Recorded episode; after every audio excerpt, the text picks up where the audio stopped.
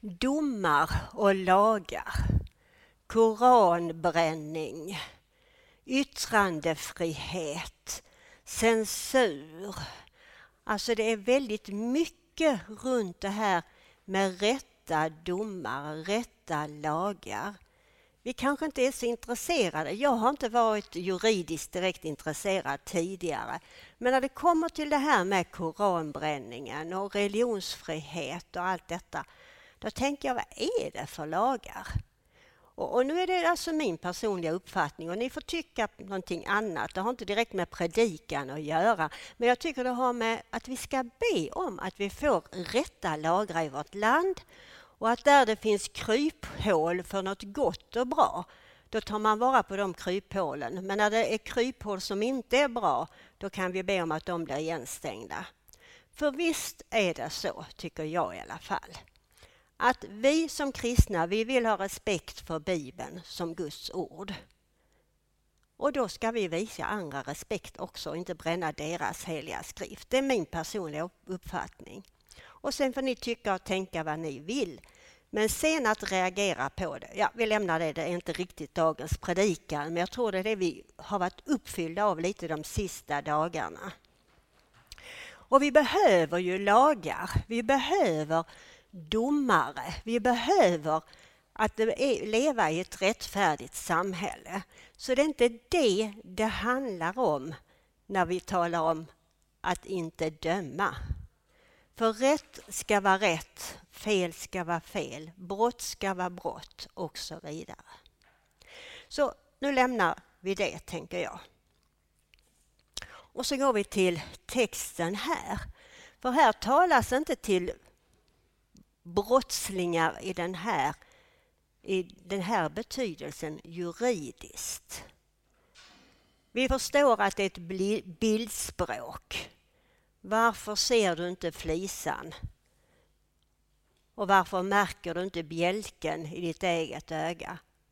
Alltså, en del av kanske någon gång har fått en flisa i sitt öga och då märker man det väldigt väl. Jag vet nyligen en person som fick väldigt besvär av en pytteliten sak i ögat.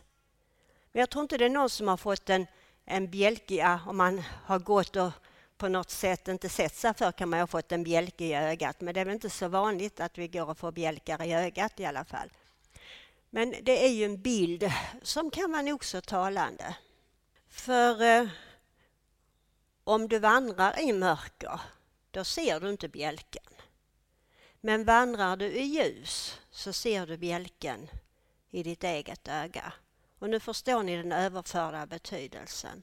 Om vi vandrar i Guds ljus så det får flöda in i våra liv, då kan vi se våra fel och brister.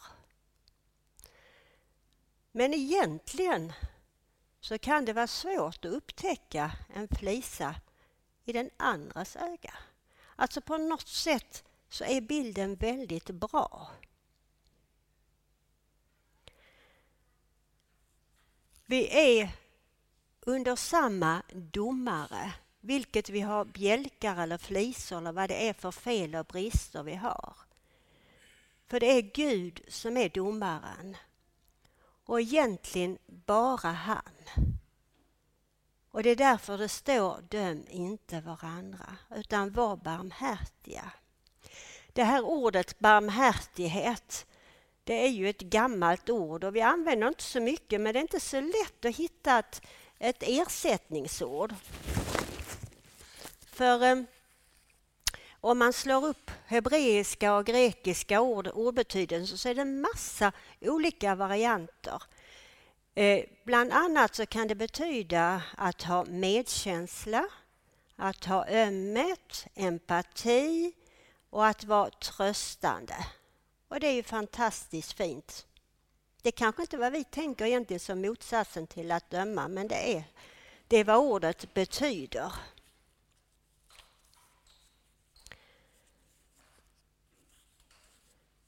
Nu var detta faktiskt ett tal till Jesu lärjungar. Så det är alltså ett tal till oss som vill följa honom. Det talas mycket om bröder och systrar. Alltså vi som hör till Guds, vi som är Guds barn och hör till församlingen, till Kristi kropp. Och då får det lite annan betydelse än vi kanske tänker vid första anblicken. Om ni kommer ihåg vad Daniel läste i Galaterbrevstexten så talas det om bröder, jag tar första versen här igen. Bröder eller systrar, om ni kommer på någon med att begå en överträdelse, då ska ni som är andliga människor i mildhet upprätta en sådan. Men se till att inte du också blir frestad. Och sen står det bär varandras bördor. Om ni kommer ihåg fortsättningen så står det i vers 4. Var och en ska pröva sina egna gärningar och inte jämföra sig med andra. Och i nästa vers, ty var och en ska bära sin egen börda. Det finns ju en del som tycker det är lite roligt att hitta motsägelser i Bibeln. Och här kan man ju undra om jag har inte hört att det är de här motsägelserna de har hittat utan det är lite andra saker som nog kan ha sina förklaringar också. Men det här har faktiskt en språklig förklaring. Bär varandras bördor. Det betyder, det ordet för börda är ett helt annat än att bära sin egen börda. Och jag tror att ni som har den nyare varianten av folkbibeln, då står det ryggsäck och det är mycket, mycket bättre. Därför att det är inte samma ord. I det första att bära varandras bördor, så det ordet, grekiska ordet för börda, det är en tung, mycket tung börda som man bär under en väldigt lång sträcka. Alltså både i tid och på den vandringen man går. Och det är då det står bär varandras bördor. Men sen den börda som står längre fram, var och en ska bära sin egen börda. Det är grekiska ord samma som vi har för portion. Alltså en liten del av någonting. Och det var den del, den portion som soldaten bar när han gick. Var och en soldat hade en liten börda att bära, hade lite med sig i sin ryggsäck. Och den skulle man bära själv. Den skulle man inte släppa över till någon annan. Du kan bära min ryggsäck också så går jag lite ledigare och friare. Utan man var tilldelad en viss börda att bära själv. Men sen fanns det andra bördor som man skulle dela. Och så är det ju bland Guds folk. Ingen slipper undan, man får ta sitt ansvar och bära var en sin lilla del av vad det kan vara av bördor. Men sen finns det stora, tunga bördor som människor kanske får under långa sträckor och som man inte ska behöva bära själv. Och vad kan det vara för bördor? Ja, det kan vara lite olika. Det kan vara saker man kämpar med i sitt liv som man vet är fel men som Ja, det är så kämpigt och kanske om man är nyfrälst, har kommit till tro nyligen och man tycker oj, oj, oj, de verkar så fromma alla de här gamla kristna. De är inte så fromma som ni tror. Jag har varit kristen länge och det är lika fel att tänka fel. Det är det här med att döma, att tänka illa om någon, att vara girig, att, ja, jag behöver inte räkna upp. Men det är lika fel som kanske det du har att kämpa med. Så vi ska dela det vi har att kämpa med och hjälpa varandra vidare på vägen. Döm inte, var barmhärtig, så som er himmelske fader är barmhärtig. Det står också att vi faktiskt allihopa och, och, det här kan jag, det skulle vara en predikan i sig, men jag vill ändå nämna det i det här sammanhanget och läsa från Romarbrevet 14. För där står att vi allihop ska avlägga räkenskap inför Gud. Och ändå vet vi att det finns ingen fördömelse för de som är Kristus. Men på något sätt så kommer vi inför Kristi domstol och vi frikänns och vi blir frälsta och vi är Guds barn. Men vi får ändå ta ansvar för det livet vi lever. Och det är just att vi inte ska döma varandra som kristna. Så jag läser från Romarbrevet 14 och 10 och sammanhanget är här att de judekristna, alltså de judar som hade kommit till tro på Messias, de ville lägga bördor på de hedna kristna som inte alltså hade haft den judiska tron innan, bland annat vad det gällde mat och vad det gällde högtider. Och då står det så här i vers 10, Romarbrevet 14. Men du, varför dömer du din broder? Eller du, det är precis som han liksom vet, pekar ut. Du dömer en broder, du kanske är judekristen och du dömer en hednakristen. och så liksom tänker han sig en hednakristen. Och varför föraktar du din broder? Vi ska ju alla stå inför Guds domstol. Var och en av oss ska avlägga räkenskap inför Gud. Låt oss därför inte längre döma varandra. Besluta er istället för att inte lägga något hinder i vägen för en broder så att han snubblar och faller.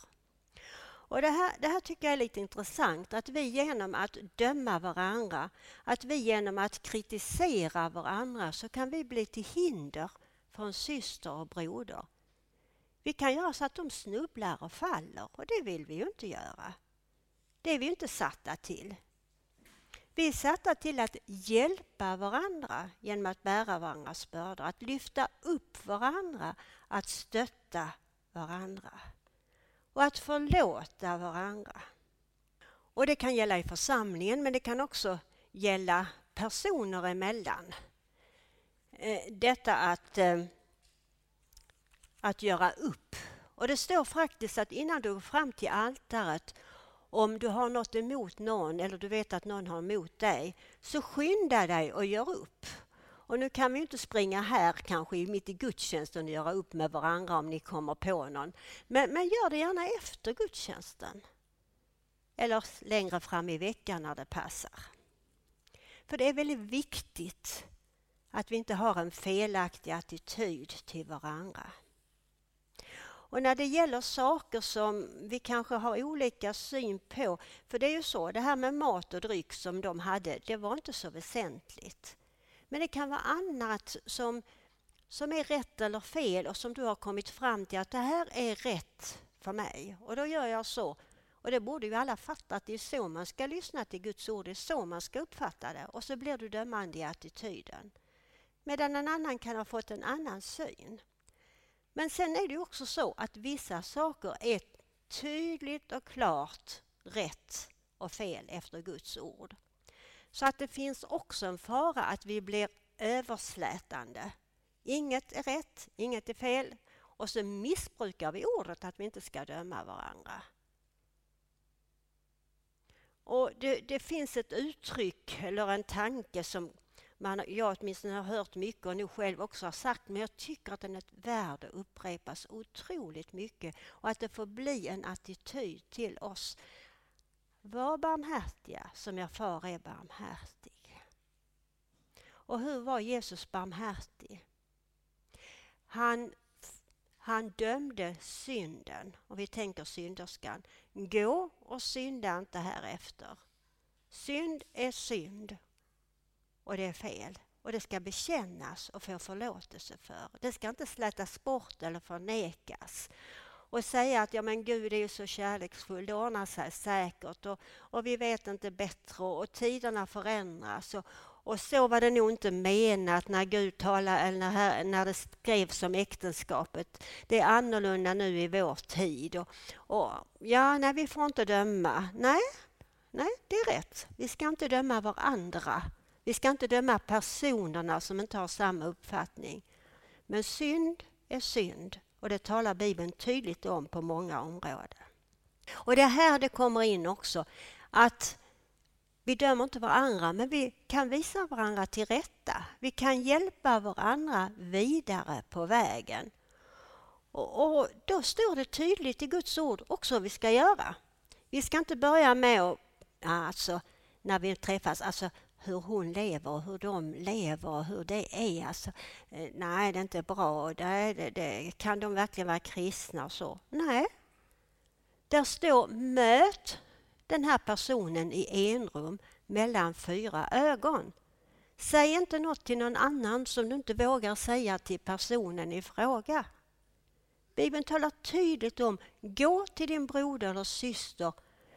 Det kanske finns förklaringar, eller har han eller hon inte blivit varse och kanske behöver höra detta på ett kärleksfullt sätt. Är det nu något allvarligt och den här personen inte vill lyssna så kan du ta en eller två med dig, står det. Och sen fortsätter det vidare, men det behöver jag inte ta upp hur man går vidare i så fall om det är något allvarligt. Men så kommer det positiva. Om den här personen som du talar i enrum med mellan fyra ögon lyssnar, då har det hänt något fantastiskt. För då har du vunnit en vän som verkligen kan bli din vän och vara din vän. För är det sagt i kärlek så ser och förstår brodern och systern ja, det här har jag inte förstått innan, det ligger någonting i det. Och så fördjupas vänskapen och gemenskapen. Men det kan vara så också att det väcker motstånd. Att du får gå därifrån ledsen. Kanske undrar, sa jag det här på ett rätt sätt? Ja, men jag får lämna det. Jag gjorde det med en god avsikt.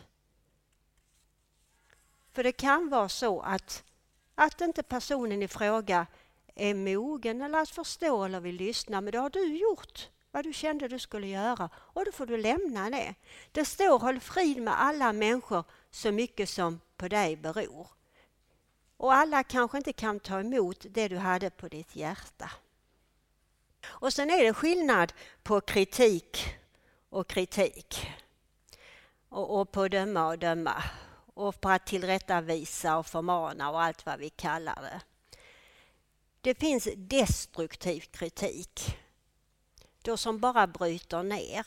En person som redan ligger, om man slår på den eller på något sätt talar om att det här var inte bra och det var inte bra och så ska man inte göra och så. Vad hjälper det?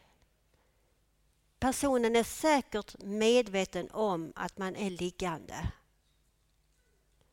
För det mesta i alla fall. Och då bryter den mer, ännu mer och den här personen kan komma i försvarsställning och du har inte vunnit en broder. Det har bara blivit större klyfta.